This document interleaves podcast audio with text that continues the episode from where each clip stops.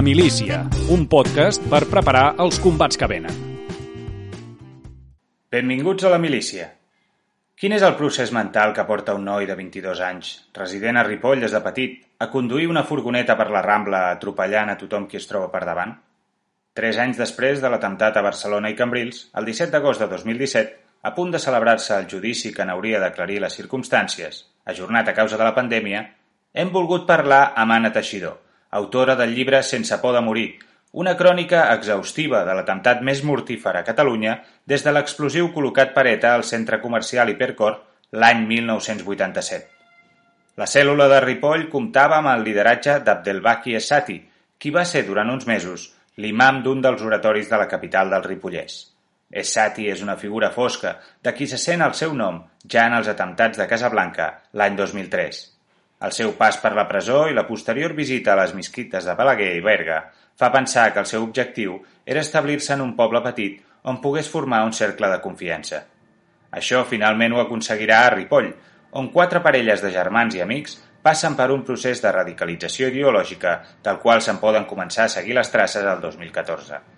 La seva aspiració era atemptar contra algun símbol de l'imaginari occidental, com ara la Sagrada Família o la Torre Eiffel. Anna Teixidor periodista, doctora en comunicació i professora universitària, ha fet un laboriós treball documental, resseguint tots els fils, fent més d'un centenar d'entrevistes i llegint-se els milers i milers de pàgines de què consta la investigació judicial. En el seu llibre hi trobem un relat en què anem veient com, a través de la influència d'Essati, uns joves d'origen marroquí, autoanomenats els mujahidins de Ripoll, fan reals les seves fantasies i les converteixen en un autèntic malson, Parlarem amb ella per intentar entendre com es passa de jugar amb la idea de la violència a dur-la a la pràctica. També li preguntarem què hi ha de cert en les informacions que vinculen Essati amb els serveis d'intel·ligència espanyols i com s'hagués pogut evitar un atemptat produït en un moment de màxima tensió política pel procés independentista que va causar tant de dolor en unes víctimes que en molts casos s'han trobat desemparades per les institucions.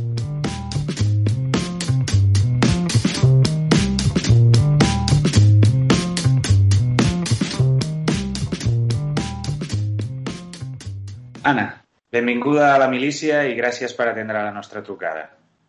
Encantada d'estar aquí i compartir una estona amb vosaltres per parlar d'aquests temes eh, que són una amenaça actual encara, no? I que encara tenen, tenen recorregut malauradament. Correcte, per això també ens interessa parlar-ne. Eh, com que hem de començar per alguna banda, si et sembla bé, m'agradaria fer una petita cronologia per, per situar els oients també. Et proposo que comencem l'any 2000, el moment en què Abdelbaki Essati, l'imam de Ripoll, considerat l'agent radicalitzador de la cèl·lula que va cometre els atemptats del 17 d'agost de 2017, i també el seu autor actual, tot i que això potser després ho vols matisar, perquè en el llibre doncs, també ho vas... Bueno, és, és un tema que potser no queda del tot clar. Eh, L'any 2000 s'embarca en una patera i emigra a la península ibèrica. El teu llibre, els interrogants sobre Sati es van encadenant, l'anomenes eh, El llop estapari, i, i voldria començar pel principi. Eh, D'on surt Sati? Quin bagatge familiar, cultural, laboral, etc carrega quan, quan ell decideix traslladar-se a Espanya? Uh -huh. Estati neix en un nucli disseminat de la zona de Shawen, que això és al nord del Marroc, i tant ell com la seva família aquests primers anys es dediquen al cultiu de marihuana. Uh, aquesta zona de Baptasa uh, és la principal font econòmica doncs el, el, el cultiu d'aquesta planta hi ha una certa connivència del govern. En un moment donat, ell que es casa encara menor d'edat amb la seva dona, decideixen eh, traslladar-se a viure a Tànger i ja tenen tres, quatre fills, fins que comença el procés migratori del pare de família. Ell arriba l'any 2000 a, a la península ibèrica i la seva dona ens explica que el primer lloc on va és a Madrid. Llavors, aquí tenim alguns dubtes de si va tenir aquí el contacte amb l'M30, amb la mesquita M30 de Madrid, perquè ell és el que explica la seva dona. Sabem que està alguns dies a Jaén, perquè ja hi coneixerà Belgacén Benil, que és un individu que després eh, simularà eh, a l'Iraq contra els carabiners italians i finalment arriba a Vilanova i la Geltrú. És aquí on ell, durant uns anys, eh, intenta postular-se com a imam de la mesquita eh, al Furcan, però només serà de manera puntual. A Vilanova de Geltrú, com, com ja saps, aquí es produeix una operació coordinada entre Policia Nacional i Guàrdia Civil. Per un serà l'operació Chacal, per l'altre l'operació Camaleó. I aquí es produeixen una sèrie de detencions en una operació antiterrorista i exactament el paper que juga en aquesta, bueno, l'anomenada operació Chacal, eh, quin és? Perquè crec que en el llibre expliques que ell juga, diguéssim, que és un actor secundari en, en, tota, en, en tots els papers de la investigació judicial, etc. No, no hi ha... Ell no apareix gaire, tampoc. Uh, ell no és detingut pròpiament, sinó que és investigat. Llavors, en un moment donat, fins i tot el jutge decideix eh, inter intervenir el seu aparell telefònic, no? però no hi troben cap indici eh, de res que sigui això... fàcilment delinqüencial. Disculpa, això, a quin any estem parlant d'això? Estem parlant al voltant del 2003, 2004, 2005. Val? Llavors, eh, ell serà investigat, no serà detingut, però sí que tot el sector, eh, totes les persones amb què ell es relacionava a Vilanova i la Geltrú, almenys 15-20 persones seran detingudes eh, per una operació que dirigirà, es dirigirà des de l'Audiència Nacional eh, en contra d'una suposada organització terrorista. Um, penseu que venim de l'11M, per tant hi havia uh, una forta pressió policial uh, per neutralitzar grups que poguessin atemptar i molta rivalitat entre la Guàrdia Civil i la Policia Nacional. Llavors jo, a dia d'avui, l'operació Chacal encara no la tinc clara del tot eh, aquesta operació finalment eh, de, de la vintena de, de, de detinguts, només uns quants van anar a judici, que van acabar a presó, però com que hi va haver-hi unes escoltes que no es van poder demostrar si tenien manament jurídic, va quedar anul·lat tot el judici. I els detinguts que havien estat condemnats van poder sortir en llibertat. Per tant, van quedar absolts, ja que es va poder inhabilitar una de les proves eh, que, eh, que les defenses deien que no s'havia fet manament jurídic i el jutge els hi va donar la raó. Per tant, l'operació Chacal és una operació molt controvertida, molt qüestionada, en el qual apareix el nom de Terbaki Esati.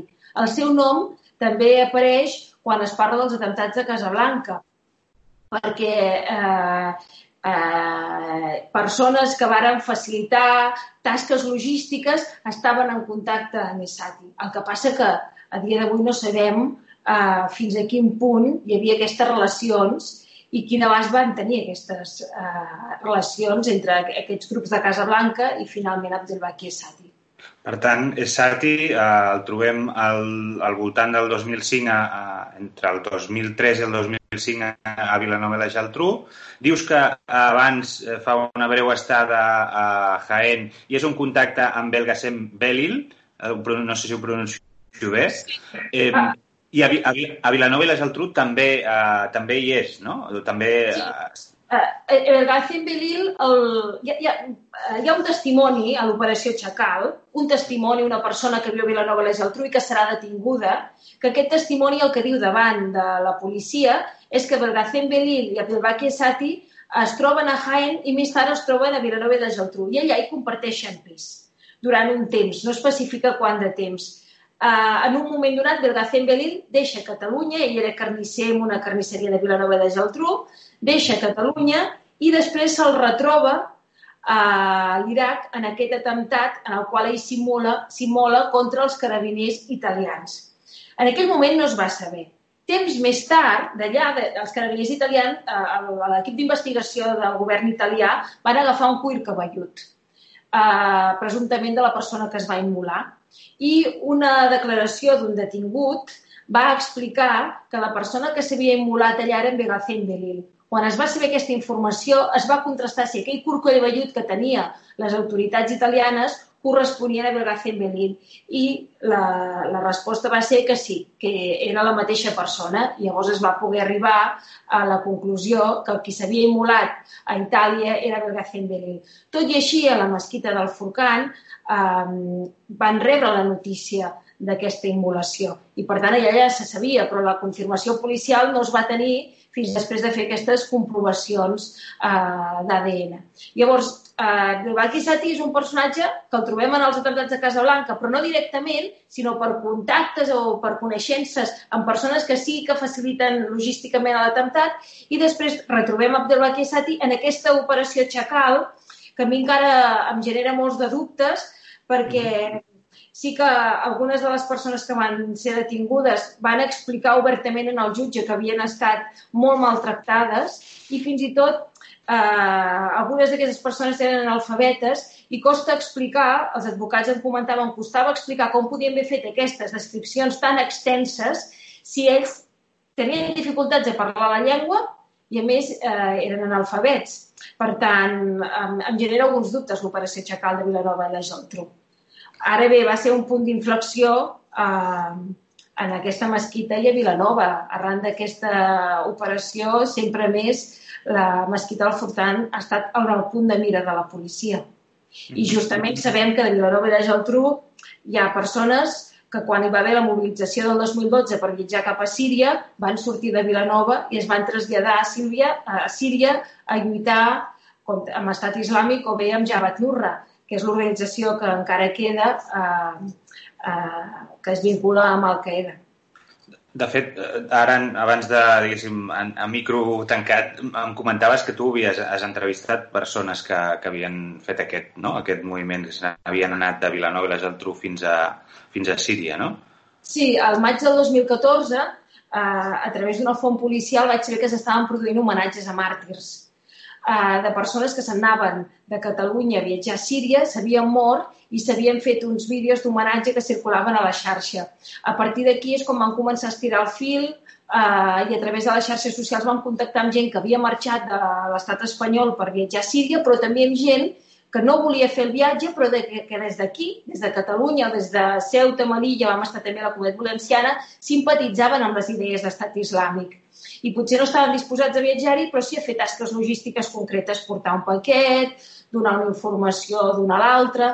Per tant, eh, la mobilització a Síria i l'Iraq va precedir d'alguna manera l'atemptat de Barcelona i Cambrils, perquè en un moment donat la consigna ja no és desplaçar-se a Síria, sinó atemptar en territori europeu.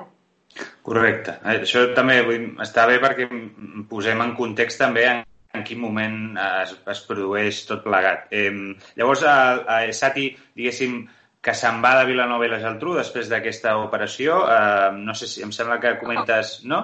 no ell, ell, ell es queda? Ell encara es queda uns anys, es queda fins al 2010 a Vilanova i la Geltrú.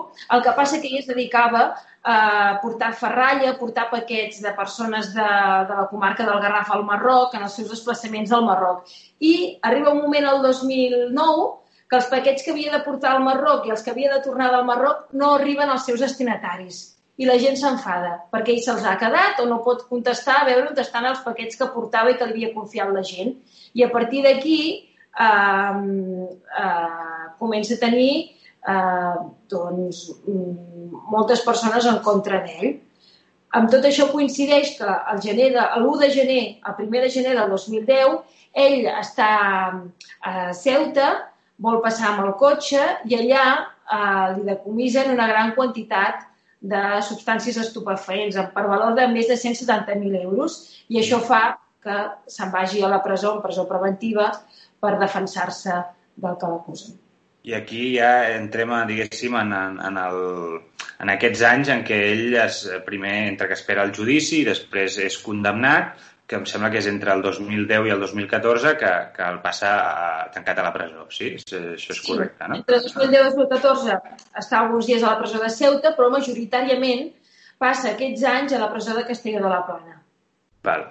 Al llibre també comentes que la presó, la presó justament és, és un lloc on, a, on es produeixen molts canvis, en, en, és a dir, en el procés de radicalització de, de diferents persones eh, que la presó de vegades hi juga un paper crucial, però Esati, en canvi, almenys externament, es comporta com un presoner modèlic, fins i tot li assignen tasques de, de responsabilitat, expliques, però, en canvi, també de les, de les nombroses entrevistes que has fet, em sembla que n'hi ha una en concret, eh, Tariq, em sembla que, que menciones al llibre, es desprèn la idea que Esati a la presó ja estava convençut de la, de la necessitat de la jihad i també intentava fer proselitisme d'aquestes idees. Jo no sé si, així com eh, després en parlarem de, del procés de radicalització dels autors materials dels atemptats del 17 d'agost, eh, no sé si podem resseguir el fil d'aquest procés que passa a Sati o, o directament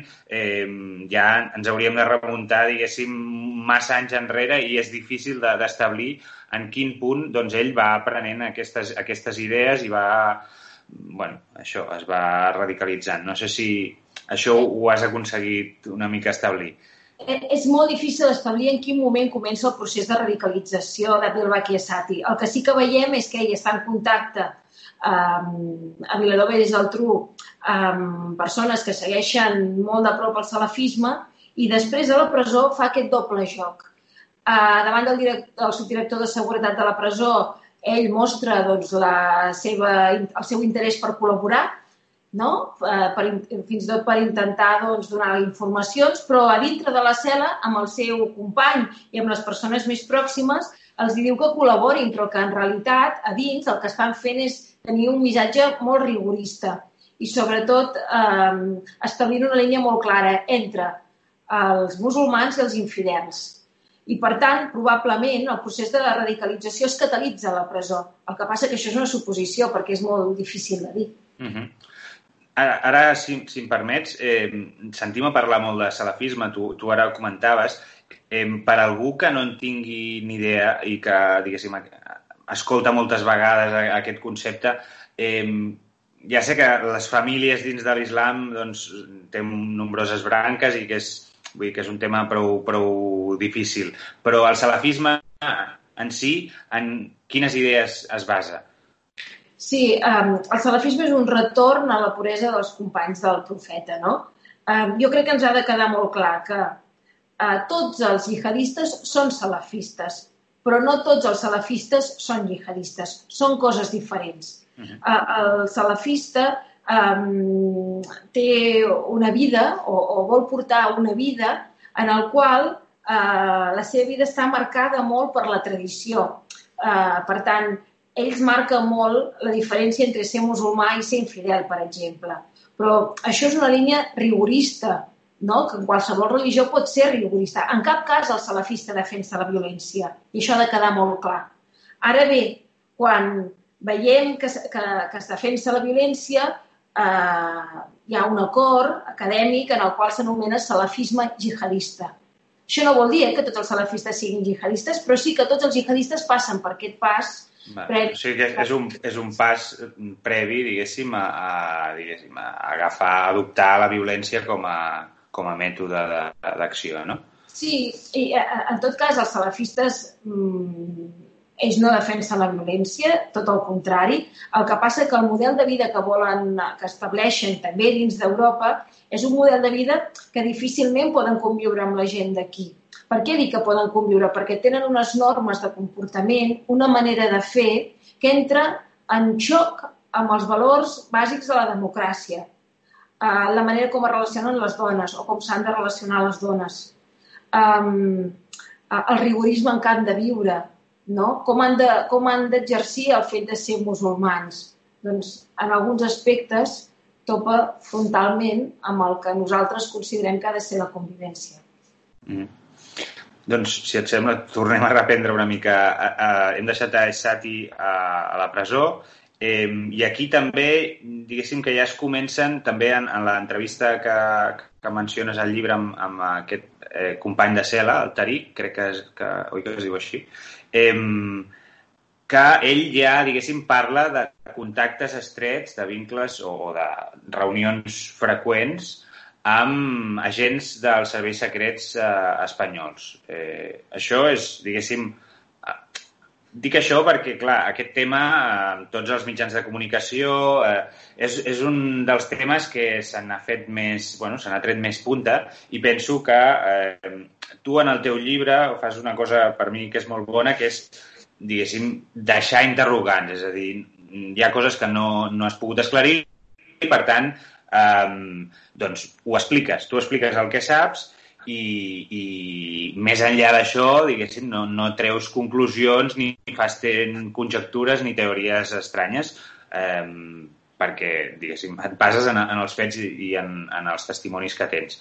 Però eh, sí que m'agradaria comentar això. Eh, aquests, aquests vincles amb, amb els agents secrets, eh, quina naturalesa tenen? Almenys al principi a la presó, com, com te'ls descriu el Tariq? Val. Uh, és un fet habitual eh, que els cossos d'intel·ligència i també els serveis d'informació de, de Guàrdia Civil a l'estat espanyol eh, i en el cas de Catalunya doncs, els Mossos d'Esquadra hi hagi relació amb alguns, amb alguns interns perquè moltes vegades aquests interns poden ser fonts informatives per quan surtin de la presó fins i tot a dins de la presó. En el sumari hi ha un document on te queda molt clarament que hi ha hagut unes visites tant del CNI com de la Guàrdia Civil al Servei d'Informació. Per tant, aquestes visites estan acreditades i el CNI ho ha, ho ha, ho ha admès, ha admès que hi havia hagut aquests contactes. No?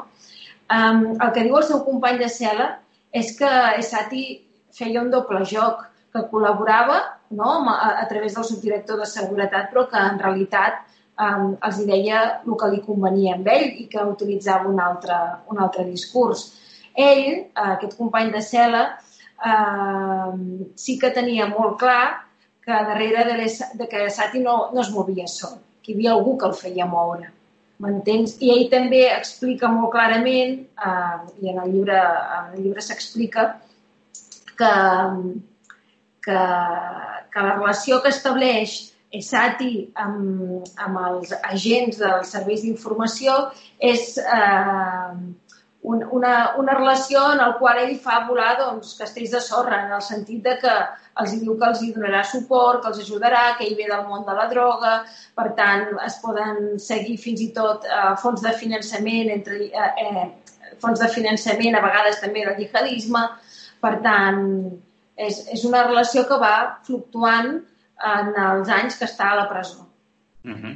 Llavors, el 2014 surt i aquí eh, també hi ha... Eh, crec que la seva primera destinació un cop fora, ell a la presó ens deies que estava a Castelló després d'estar de, a Melilla, crec, eh, i ell se'n va a, Castell a Onda, em sembla que és, o a Castelló mateix, eh, i passa una temporada. I allà eh, també és una part molt interessant del llibre perquè expliques com la seva relació amb dos conversos, en Yacine i l'Ibrahim, en la qual ja es veu una mica eh, el tipus d'influència que Esati pot arribar a exercir sobre, bueno, sobre musulmans eh, més o menys eh, anava a dir ignorants, però que, que no tenen un coneixement molt profund de, de la religió i que ell, diguéssim, els hi deixa, els hi van deixant a, anar, bueno, al seu, la seva manera de, de veure la religió, no?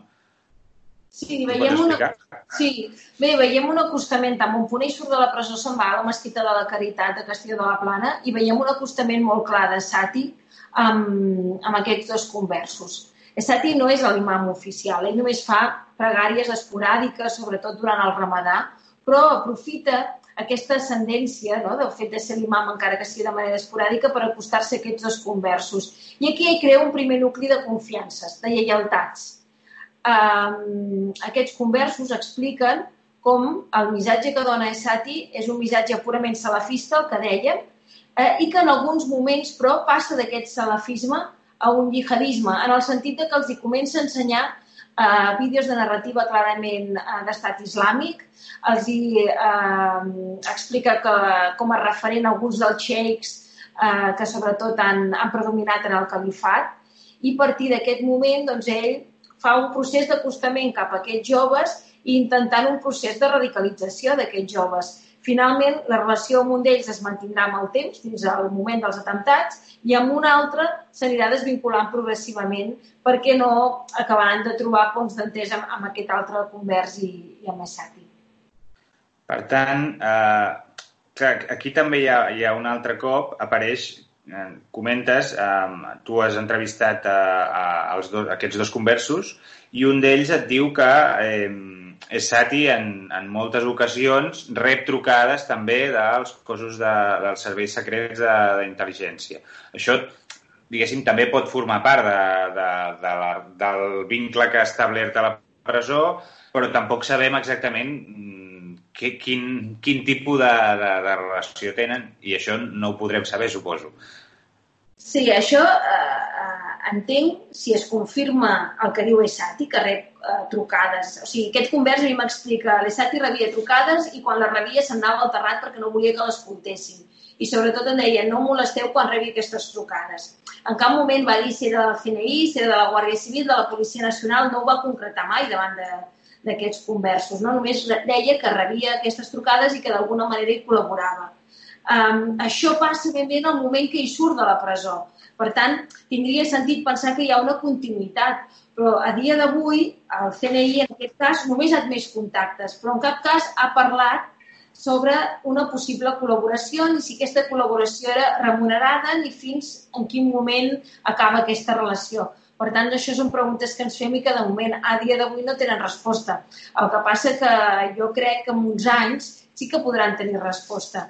A l'11M eh, quan es va acabar la sentència, quan, quan hi va haver sentència, fins i tot no es parla de les eh, connexions internacionals de, de la cèl·lula de l'11M. Això vam saber-ho anys després perquè el CNI va confiar una certa informació a un acadèmic i aquest acadèmic ho va explicar-ho en un llibre que va publicar sis o set anys més tard. Per tant, pot ser que aquí passi el mateix i que aquí uns anys ens expliquin exactament en què consistia i en quina mesura era aquesta col·laboració entre els serveis d'intel·ligència i l'ESATI. Mm -hmm. Llavors, eh, Esati surt de la presó, fa aquesta temporada a, a la mesquita de la Caritat, a Castelló, i després torna, torna a Catalunya. Sí? Bé, sí, el que veiem és molt d'interès per intentar ser un imam en algun punt de Catalunya. I sabem que el 13 de novembre arriba a Balaguer. I ella intenta... El 13 de novembre del 2014, estem parlant? 2014, sí. Ell està aquests mesos a Castelló de la Plana, no deixa encara el pis de Castelló, però comença a intentar de ser imam en algun punt de Catalunya i justament va a Balaguer. Què passa a Balaguer? Doncs que les relacions entre els responsables de l'oratori i la Policia Nacional són prou bones i quan veuen el nom de Sati eh, Policia Nacional comprova i veu que té antecedents penals i tenen la confiança de dir als responsables de l'oratori que no el contractin perquè té antecedents i, per tant, difícilment pot complir eh, d'una manera correcta el paper de l'imam. I els de la mesquita de Balaguer li diuen de moment no ens fa falta ningú, estem pendents d'altra gent, el deixen quedar dos dies a dormir i se'n va. Sabem que torna a Castelló de la Plana i al cap d'uns mesos ho intenta Berga i finalment arriba a Ripoll durant el primer trimestre del 2015, entre el gener i el febrer, no podem concretar exactament la, la data d'arribada.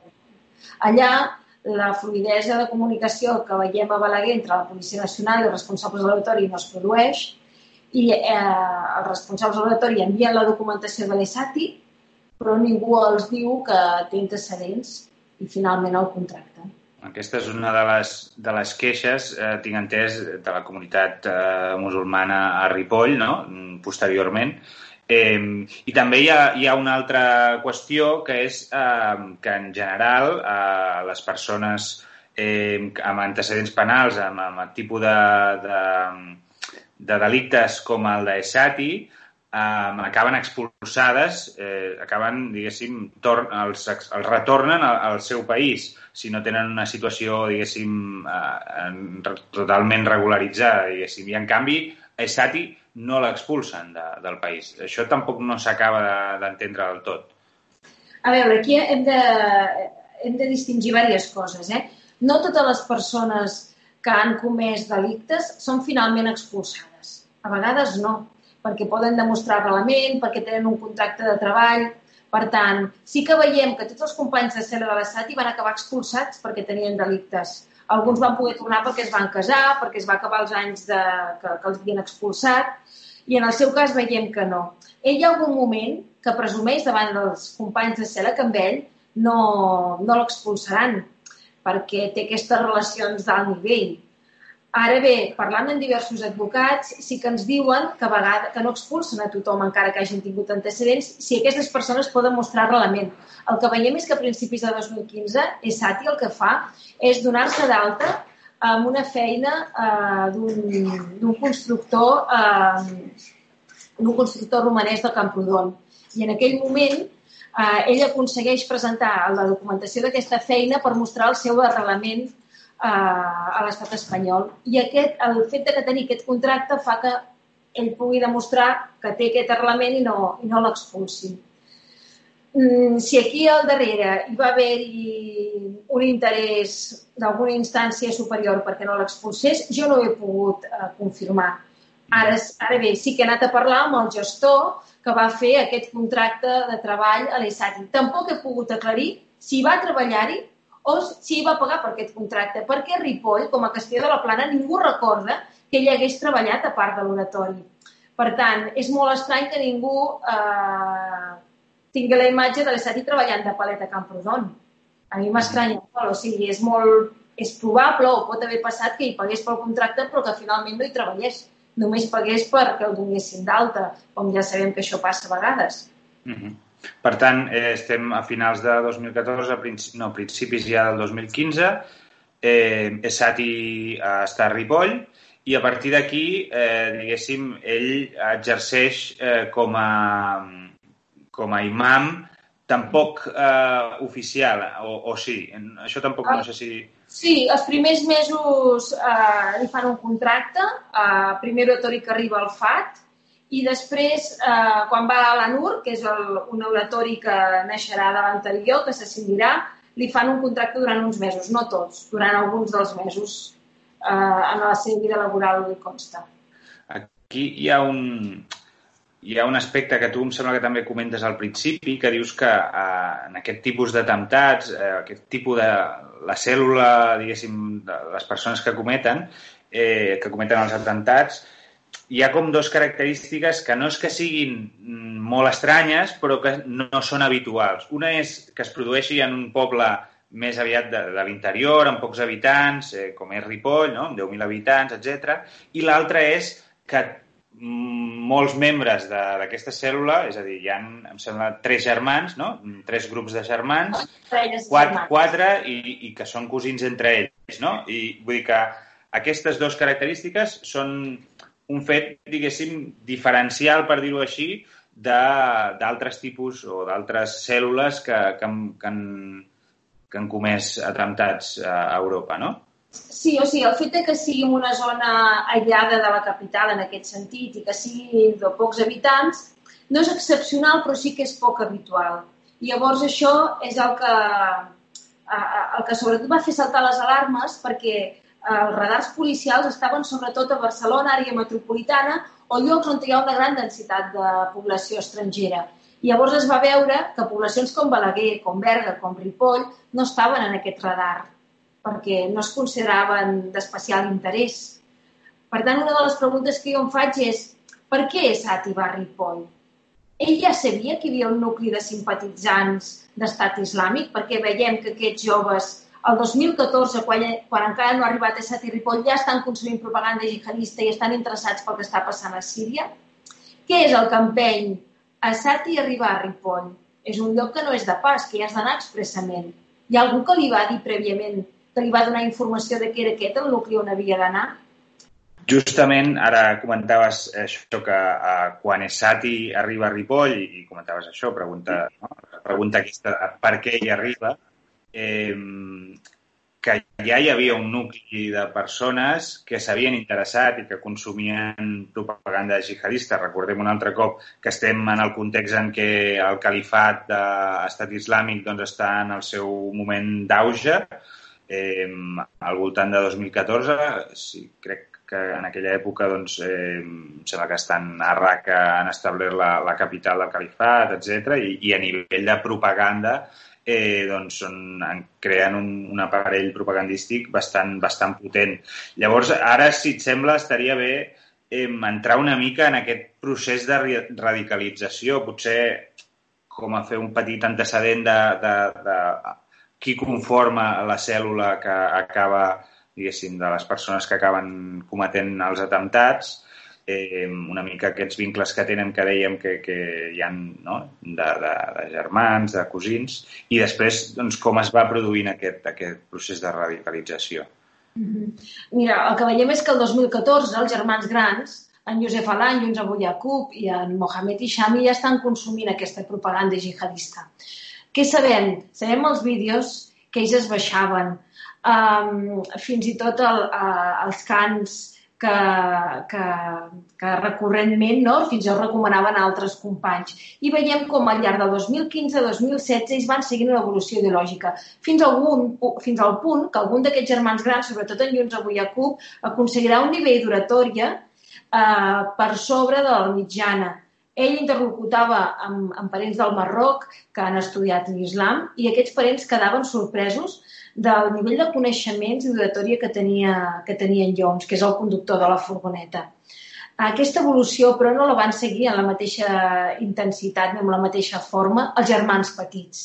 Veiem que els germans petits s'afegeixen en aquest grup a la festa de Sant Adal de Ripoll, eh, estem parlant de la primavera del 2017, per tant, el procés de radicalització que han seguit els germans grans, molt més intens i durant aquests dos i tres anys previs, no és el mateix que hauran patit els, els, els germans més joves, que serà a partir de la primavera del 2017 i que l'atemptat es produeix a l'agost. Eh? Per tant, l'evolució serà diferent i s'ha d'analitzar en cadascun dels casos. Mm, com, com es fa visible això? Tot i que l'entorn, tant els familiars com els amics, diuen que ells no eren conscients eh, en cap moment d'un canvi cognitiu, sí que veiem un canvi d'actituds. Perquè aquests germans grans hi ha un moment que deixen doncs, de consumir alcohol, de sortir a la nit, de freqüentar noies, i el que veiem és que cada vegada distingeixen més el món entre els infidels i els musulmans, però fins al punt de dir amb alguns amics seus que no festegin amb, amb noies que, so, que no són musulmanes o fins i tot amb llaminadures que poden tenir restes de porc vegetal que no les consumeixin, o fins i tot a qüestionar algun tipus de vida d'alguns dels companys, no? Estaríem parlant només de rigorisme. És legítim que un company et pugui recomanar això. Això és rigorisme. El problema és quan això evoluciona cap a la violència. Um, hi ha alguns experts a nivell europeu que parlen del dèficit de coneixements religiosos. I amb aquests joves de Ripoll veiem que no tenien gaires coneixements. I justament aquest desconeixement que tenien de la religió, aquesta incultura profunda sobre la religió, fa que el procés de radicalització ells tinguin una credulitat accentuada. A diferència de la gent que té més coneixements religiosos i que, gràcies a aquests coneixements, poden neutralitzar els processos de radicalització. Ells eh, consumien propaganda, però també consumien mitjans de comunicació eh, occidentals, i veiem a través dels seus dispositius mòbils, eh, tant del, dels telèfons com dels ordinadors, què pensaven, com es comunicaven amb altres companys, què deien, per exemple, de l'atemptat de Charlie Hebdo. I així podem anar veient l'evolució als anys previs als atemptats. I és, és molt interessant poder fer aquesta anàlisi eh, de dispositius tecnològics per veure en cada moment doncs, com, com, com s'expressen, quins són els temes que els hi preocupen. Sí que veiem també que ells se sentien discriminats pel fet de ser musulmans i això ho comparteixen en grups de WhatsApp. Per tant, hi ha una reafirmació del fet de ser musulmans. Ells, per exemple, no donen autoritat als seus pares perquè creuen que els seus pares s'han subjugat a la cultura d'aquí, que no són bons interlocutors, que no coneixen fins i tot prou l'islam. I, i progressivament eh, veiem com es produeix un aïllament social d'aquests nois que es van desvinculant progressivament doncs, dels grups d'amistat que havien tingut sempre. No sé si ens podries eh, explicar eh, fins a quin punt, és a dir, en, en aquest procés de radicalització, ara deies eh, que el, el fet de, de ser musulmans, no? això em sembla que en diuen la UMA, no? El, la comunitat, eh, és, és un factor determinant. Eh, però de cara a entendre també altres fenòmens, eh, perquè estem veient com que, com que diguéssim, de, de, de terrorisme no n'hi ha només de, de jihadistes, sinó que eh, actualment estan sorgint doncs, altres, altres tipus d'extremismes, de, de, eh, sigui més vinculats al supremacisme blanc o, o d'altra mena. Eh, fins a quin punt eh, la identitat en si, no tant la religió, és, és un factor determinant en, en, tot aquest, en tot aquest procés. Sí, a mi em sembla que es, hem parlat molt, sobretot aquests últims anys, de jihadisme, però hauríem de parlar d'extremismes, no? I sobretot per la ciència dels moviments que veiem arreu d'Europa i també en tot el món occidental. Llavors, Um, crec que a Ripoll, com a molts altres llocs, no hi havia una consciència clara dels processos de radicalització. I quan parlem d'aquests processos no hem de parlar només de, del jihadisme, sinó de tots aquells extremismes eh, i estudiar-ne les causes. El que veiem és que, en aquest cas, ara no hi havia conversos, però pot ser que en altres atentats hi veiem conversos. Per tant, aquest no és un fenomen que hem de lligar amb l'immigració o amb el fet de ser estranger, sinó, com deies, amb les crisis identitàries. Sí que és veritat que alguns dels joves que ens deien que s'anaven a Síria eh, ho feien perquè no s'acabaven de sentir identificats amb el país dels avis, en aquest cas Marroc, ni amb el país d'acollida on havien anat a viure els pares, no? en aquest cas doncs, Catalunya o l'estat espanyol. I, I, per tant, ells amb el que se sentien identificats és amb la UMA. La UMA és la comunitat musulmana i per ells, i sobretot la narrativa jihadista el que accentuava, era el fet de que ells es poguessin eh, sentir que pertanyien d'una pàtria, en aquest cas de la pàtria de l'islam. Tu comenta, comentes també que de vegades eh, hi ha el problema en què en aquest cas, eh, abans ho dèiem també, en el seu entorn més immediat es veu un... Potser s'intueix un cert canvi que, que s'atribueix, crec, a, a alguns testimonis que, que surten al llibre, més al rigorisme aquest que dius, no? O inclús depèn com es pot veure doncs, en, en, en bons ulls, perquè abandonen una mica doncs, eh, que si l'alcohol, que si sortir de festa, etc. No? I aquesta abraçar la religió, doncs, eh, per un entorn més, més immediat, no, no es veu almenys no es percep que hi ha, que s'està produint això.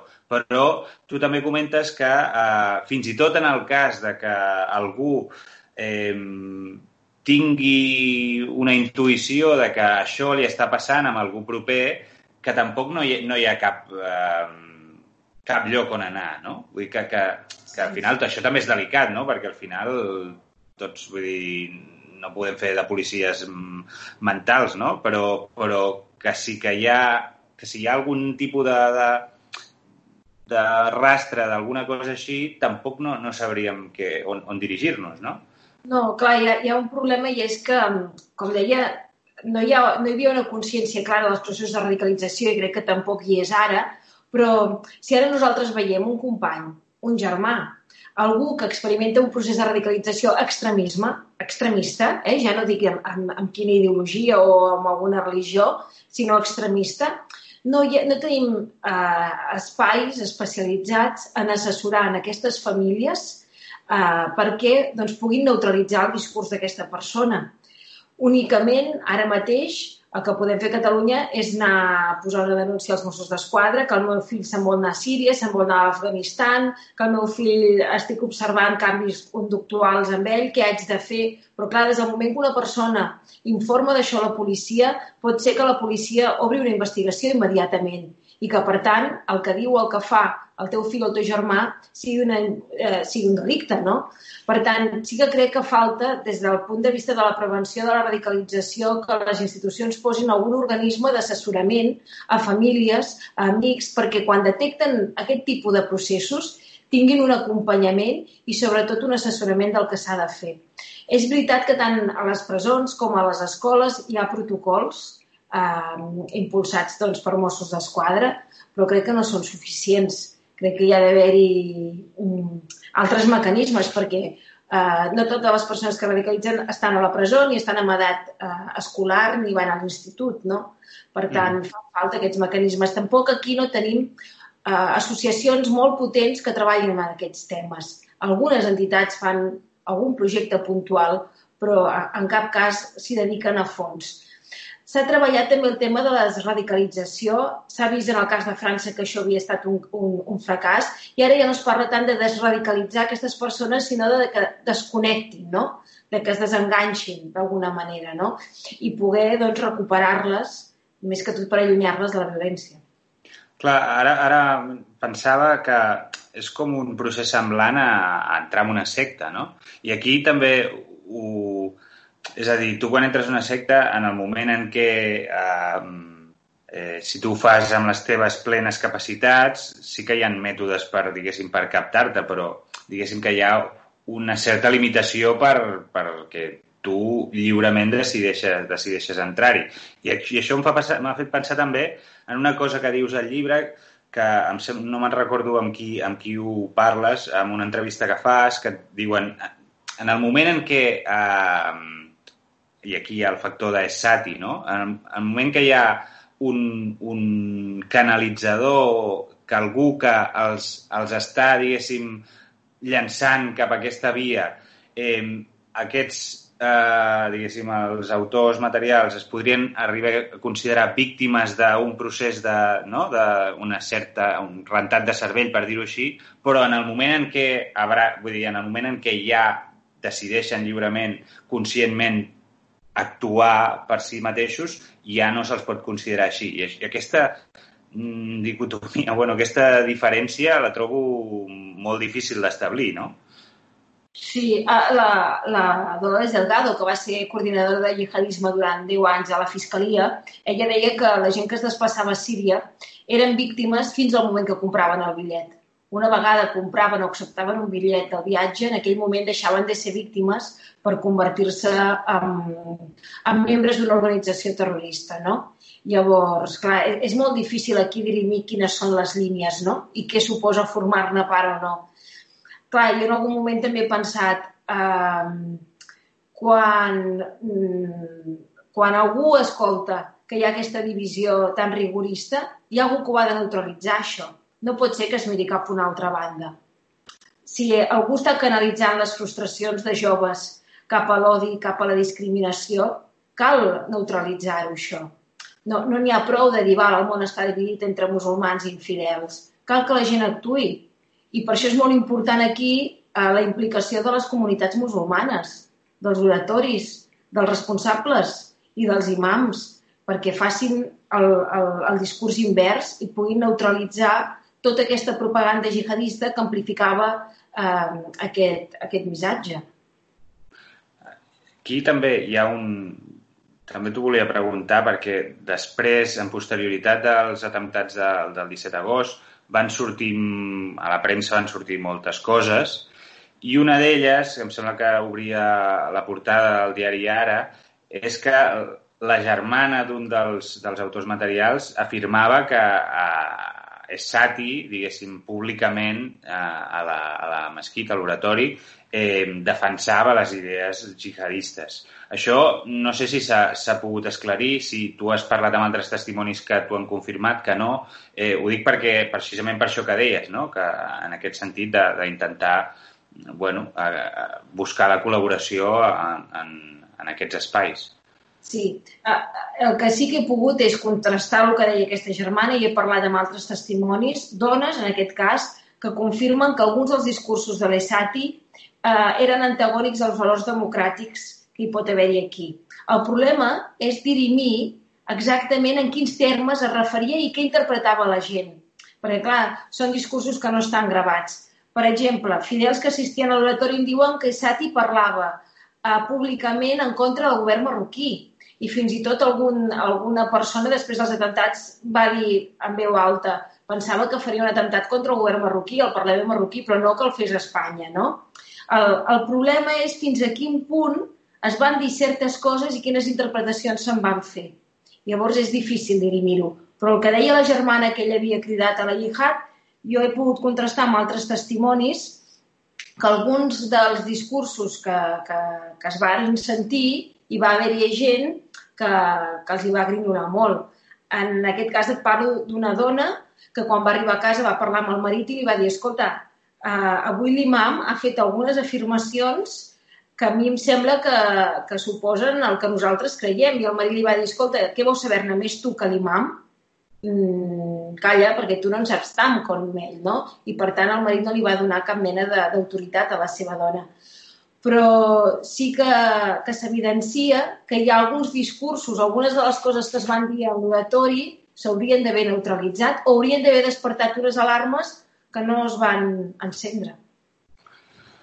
Bé, si et sembla, reprenem el fil. Ara, diguéssim, hem analitzat una mica tot el que és el procés en el qual entre el 2016 i 2017 eh, crec que menciones que al novembre del 2016 no me'n recordo, ho tinc apuntat per aquí. Eh, el novembre del 2016, es, després, posteriorment, amb la investigació, s'ha detectat la primera cerca que fa Sati eh, per, fer, per fabricar eh, explosius de forma, diguéssim, autodidacta, i a partir d'aquí també hi ha el dubte, que suposo que també ho, ho has estudiat i això, eh, de com es fa el pas entre, és a dir, una cosa és eh, tenir unes idees més o menys extremistes sobre una qüestió i l'altra és eh, aplicar la violència sobre això, no? És a dir, en quin punt, eh, com, com s'arriba a, a, diguéssim, a l'últim pas, no? Com, com, es fa, com es produeix això? Ah, el que veiem és que Sati ja surt amb una estratègia molt clara de la presó, perquè ell surt ja amb la voluntat de fer-se imam d'un oratori i a partir d'aquí ja eh, crear un nucli de fidels Uh, llavors sí que veiem al novembre de 2016 que comencen a fer recerques. I un element molt significatiu és que Sati va estar uns mesos a Bèlgica i que ell hi torna entre el 26 i el 28 de març del 2017. Si està tres dies, de dilluns a dimecres, i veiem que quan torna s'acceleren els preparatius dels atemptats. Justament amb el retorn se'n va un mes a veure la família al Marroc feia set anys que no els anava a visitar, per tant vol reprendre el contacte amb la família i mentre ell està reprenent aquest contacte, els de Ripoll estan treballant ja per començar a fer cerques d'explosius, de com s'han de fer, eh, dels objectius, i tot això s'accentua al llarg de la primavera i arriba al punt àlgid doncs, a l'estiu. Per tant, aquí anem veient eh, una estratègia molt clara d'ell i que en un moment donat els debats que tenien entre ells, que per exemple Junts avui Jacob deia que no s'havia de matar la població civil, doncs hi ha un moment que es catalitza el procés de radicalització i defensen clarament doncs, eh, la violència. Eh, el que hem pogut anar resseguint són aquests moments que veiem punts d'inflexió i com acaben avalant no, la idea de matar per matar i, i, I no només això, sinó que ells creuen que són uns escollits, que algú els ha elegit, que no tothom eh, pot formar part del grup i que en un moment donat, quan ells van a cometre l'atemptat, busquen el martiri. El fet de que portessin cinturons explosius i que fossin falsos denota que ells no volien sobreviure d'allà, que ells volien crear por i, a més, morir-hi, no?, per una suposada eh, idea de martiri i que això, i que això segons la seva narrativa, els hi permetia accedir al paradís. Mm -hmm. Clar, llavors, eh, diguéssim, que estableixen, perquè també a finals de 2016 em sembla que és eh, el, el Llunes Abucaí, perdona si no pronuncio bé, i, i ara no me'n recordo si era també el Mohamed... Eh, els grans, el Mohamed sí. i en Josep Alà, se'n van a, a, i al final acaben al Canà no? després de treballar, em sembla, a València també, no sé, a Castelló, no em sembla recordar, i, i al Canà eh, estableixen un punt que serà després vital, que és el lloc on es eh, posen el seu laboratori i l'objectiu en si és molt més ambiciós del que, del que acaba sent, no? Sí, inicialment, ells quan ocupen la casa del Canà, que la troben a través d'una entitat bancària, no és per, per fer ja el laboratori d'explosius. Ells l'ocupen doncs, temporalment, però se, pel que veiem, també ocupen un altre pis a Gombrèn i un altre, i llavors lloguen un pis a Ripoll, que és on comencen a preparar els explosius, però el 25 de juliol fan el trasllat d'aquests explosius cap al Canà. Um, llavors, anem veient una mica d'improvisació, no? Ells es van adaptant en cada moment i van canviar el lloc del laboratori i, i fins i tot es van afegint membres del grup aquí, no? Per tant, tot i que era un pla preconcebut, veiem, ens sembla, no? Veiem clarament que, que Isati aquest pla el té preconcebut, a l'hora d'elaborar-lo veiem que hi ha certes improvisacions. Tot i això, sí que són rellevants els viatges que fan els germans grans a finals d'any, per exemple, van a Bèlgica i a França i l'11 i el 12 d'agost, cinc dies abans de l'explosió del Canà, Junts avui a CUP amb l'Omar i Xami se'n van a París a fer un reportatge fotogràfic. És molt estrany que anessin a fer fotografies en aquell moment, perquè les mateixes fotografies no haguessin pogut veure per Google Earth. Per tant, sí que, sí que es creu, però no s'ha pogut acreditar, que hi van anar a fer contactes, visites concretes i que aquí potser es van fer aquests contactes. La investigació a dia d'avui no ho ha pogut concretar, però sabem per altres informacions que l'autoria intel·lectual podria estar al centre d'Europa i que, per tant, aquest grup no era autònom ni era independent de la resta de l'estructura, sinó que tenia unes connexions internacionals que a dia d'avui la investigació policial i judicial no ha pogut acreditar. Mm -hmm. Llavors, eh, el 17 d'agost doncs, eh, es produeix, eh, al final es desencadena després de la nit anterior, hi ha una explosió al, al xalet, eh, es produeix l'atemptat a la Rambla, després a Cambrils, i llavors, seguint una mica amb el que deies, eh, tu expliques que al final, o sigui, Estat Islàmic eh, sí que s'atribueix de seguida al, als atemptats, però que ho fa d'una forma una mica, eh, bueno, una mica xamussera, sí. diria. Sí, perquè hi ha altres reivindicacions, també en algunes revistes, però quan compares com ho fan en Bataclan, com ho fan a Barcelona, te n'adones que no tenen tanta informació i que la informació que tenen de Barcelona és errònia fins i tot. Per tant, s'aprofiten de les fonts obertes per fer-ne difusió i amplificar-la, però en realitat eh, no sabem fins a quin punt tenien informació de l'atemptat i les característiques. En un dels vídeos que es fan, fins i tot surt un, un, un espanyol eh, que jo havia pogut parlar per, per Messenger, i sí que hi ha dubtes quan surt aquest espanyol que no sigui un vídeo improvisat aquell també, que hagin agafat un discurs que tenien preparat d'aquest individu i que l'hagin utilitzat per reivindicar els atemptats, però que en realitat eh, això no demostraria que tinguessin vinculació directa amb l'estructura. És una de les grans incògnites. Si el grup que va atemptar a Barcelona i Cambrils estaven connectats jeràrquicament o amb algun tipus de logística amb, amb altres punts d'Europa o de Síria i l'Iraq. A mi se'm fa molt estrany pensar que Abdelbaki Esati, que tenia relacions significatives en tota la seva estada aquí a l'estat espanyol, no conegués a ningú d'estat islàmic eh, que estigués a Síria, l'Iraq o al nord d'Europa. Perquè nosaltres, a partir del 2014, vam poder conèixer molta gent que s'havia desplaçat allà. Estic parlant d'una vintena o una trentena de persones, gent que em simpatitzava. I nosaltres parlàvem bàsicament en castellà. Mm, penseu que, pensa que ell, quan viatjava al Marroc, anava sobretot a la zona de Tànger i Tetuán. D'aquesta zona, Castellers, Tànger i Tetuán, van marxar més de mil persones es va mobilitzar per anar a Síria. Per tant, fàcilment podia conèixer algú que hagués fet aquest viatge i, per tant, tenir un lligam directe amb l'estructura d'estat islàmic. Aquesta és, és una de, la, de les incògnites que, que queden. En... El judici es va ajornar, diria que s'havia de celebrar a principis d'aquest any o al voltant del març, em sembla. No sé si estava...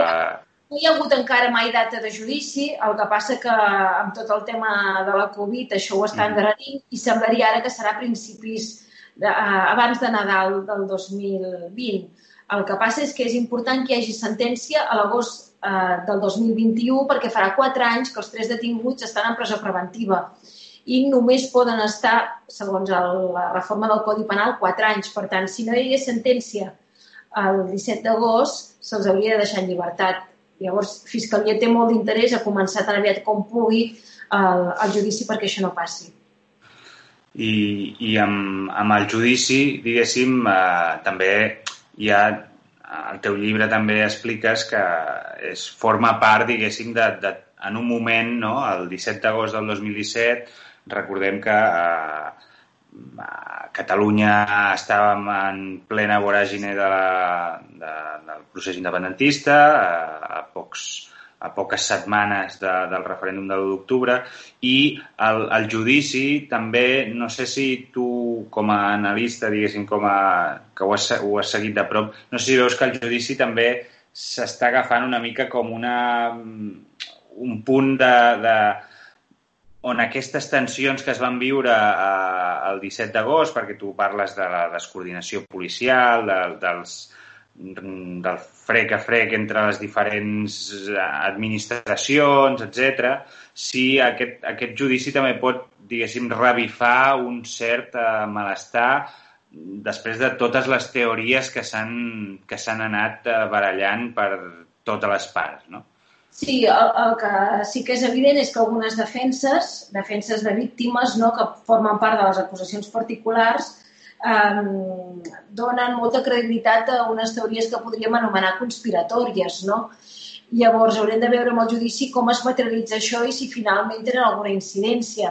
D'entrada, però, tots els elements que ells han qüestionat, que aquestes defenses han qüestionat, el, el, tribun, el, el jutge de moment no les ha tingut en compte, però haurem de veure. Sí que és veritat que aquests atemptats es van produir en un moment de gran agitació ja social, no? en un context polític molt anòmal, perquè eh, tan bon punt això va passar el 17 d'agost i amb la declaració d'independència el tema de l'atemptat va quedar totalment en un segon pla i ràpidament es va passar a pàgina, no?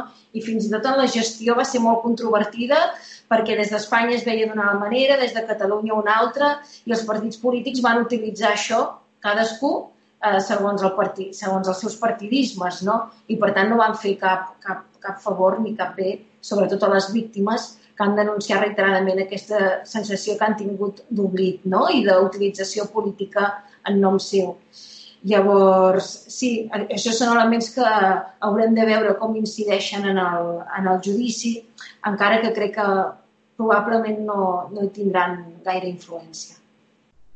Bé, eh, jo crec que hem, hem repassat una mica, volíem des d'aquí de la milícia, eh, ara que es, es compliran tres anys de, dels atemptats, doncs repassar una mica el que sabem. Crec que poques persones tenen un coneixement més ampli que tu sobre aquest, aquest atemptat perquè no sé quants folis són, a la instrucció són 50.000 fulls, em sembla que dius, i tu te'ls has llegit tots, no? Hi ha una part, hi ha una part que encara no havíem fet pública, que és la de les comissions rogatòries, que és de l'estranger, però que ja sabíem que no, que, que, que no havien arribat a cap fi, per tant que tampoc no eren molt rellevants. I és una cosa que hauré d'acabar de llegir ara aquest estiu. Per tant, doncs, bueno, aquest estiu tindràs bona lectura ens hem deixat algunes coses per comentar perquè és un... abarca, abarca bueno, moltes, moltes coses eh, i, i penso que, bueno, en tot cas, vull dir, potser més endavant, potser quan s'acosti el judici ja veurem, potser et tornem a, a trucar. Uh, el que sí que et volia preguntar ja per acabar és una mica, ja sé que això també és, és difícil de dir, eh, però en, en una entrevista parlant del teu llibre eh, comentaves que, bueno, que final eh, el jihadisme segueix present, no? De vegades sembla que només el recordem quan passa alguna cosa, eh, però jo no sé si tu eh, tens algun, algun punt de vista, diguéssim, una perspectiva més general sobre si hi ha més o menys eh, o si hi ha la propaganda vinculada a l'estat islàmic, doncs, òbviament, doncs, ja no està tan... no, no és no és tan forta com, com era en el seu dia, però sí, sí aquest, aquest caldo de cultiu que existia abans eh, segueix, crec que a l'entrevista deies que sí, no? però vull dir que si ens ho pots explicar una miqueta, ja per acabar. Sí, um, ara mateix uh, l'estat d'alerta és d'un 4 sobre 5. Uh, això vol dir que l'amenaça jihadista, en aquest cas, un atemptat és, és, és probable. Uh, estem a 4 sobre 5 D'altra banda, però, eh, hem de dir que sí que hi havia molt de temor amb els retornats, amb els que tornaven de Síria. I llavors s'ha vist que n'hi havia molts que no tornaven i que fins i tot agafaven altres rutes com anar cap a l'Afganistan o com a Líbia. El, el que jo crec és que potser s'ha perdut el califat territorial. Ara el califat ja no té, ja no té territori, no? Però sí que es manté una certa manera de veure el califat sentimental. És a dir, hi ha una certa nostàlgia pels acòlits d'aquest moviment que potser ara ha sigut la pèrdua d'una batalla, però no de la guerra. I, per tant, malauradament, crec que és una amenaça que continuarà, que es manté i que ha vingut per quedar-se. D'acord, doncs amb aquesta, amb aquesta sentència, eh, si et sembla, ho deixem aquí. Moltes gràcies per acompanyar-nos eh, i recomanem, recomanem a tothom que es llegeixi aquest llibre sense por de morir eh, de l'Anna Teixidor. Eh, val molt la pena. Gràcies, Anna. Moltes gràcies, Josep, per abraçada. I a tots els oients, doncs, ens veiem molt aviat. Gràcies a tothom.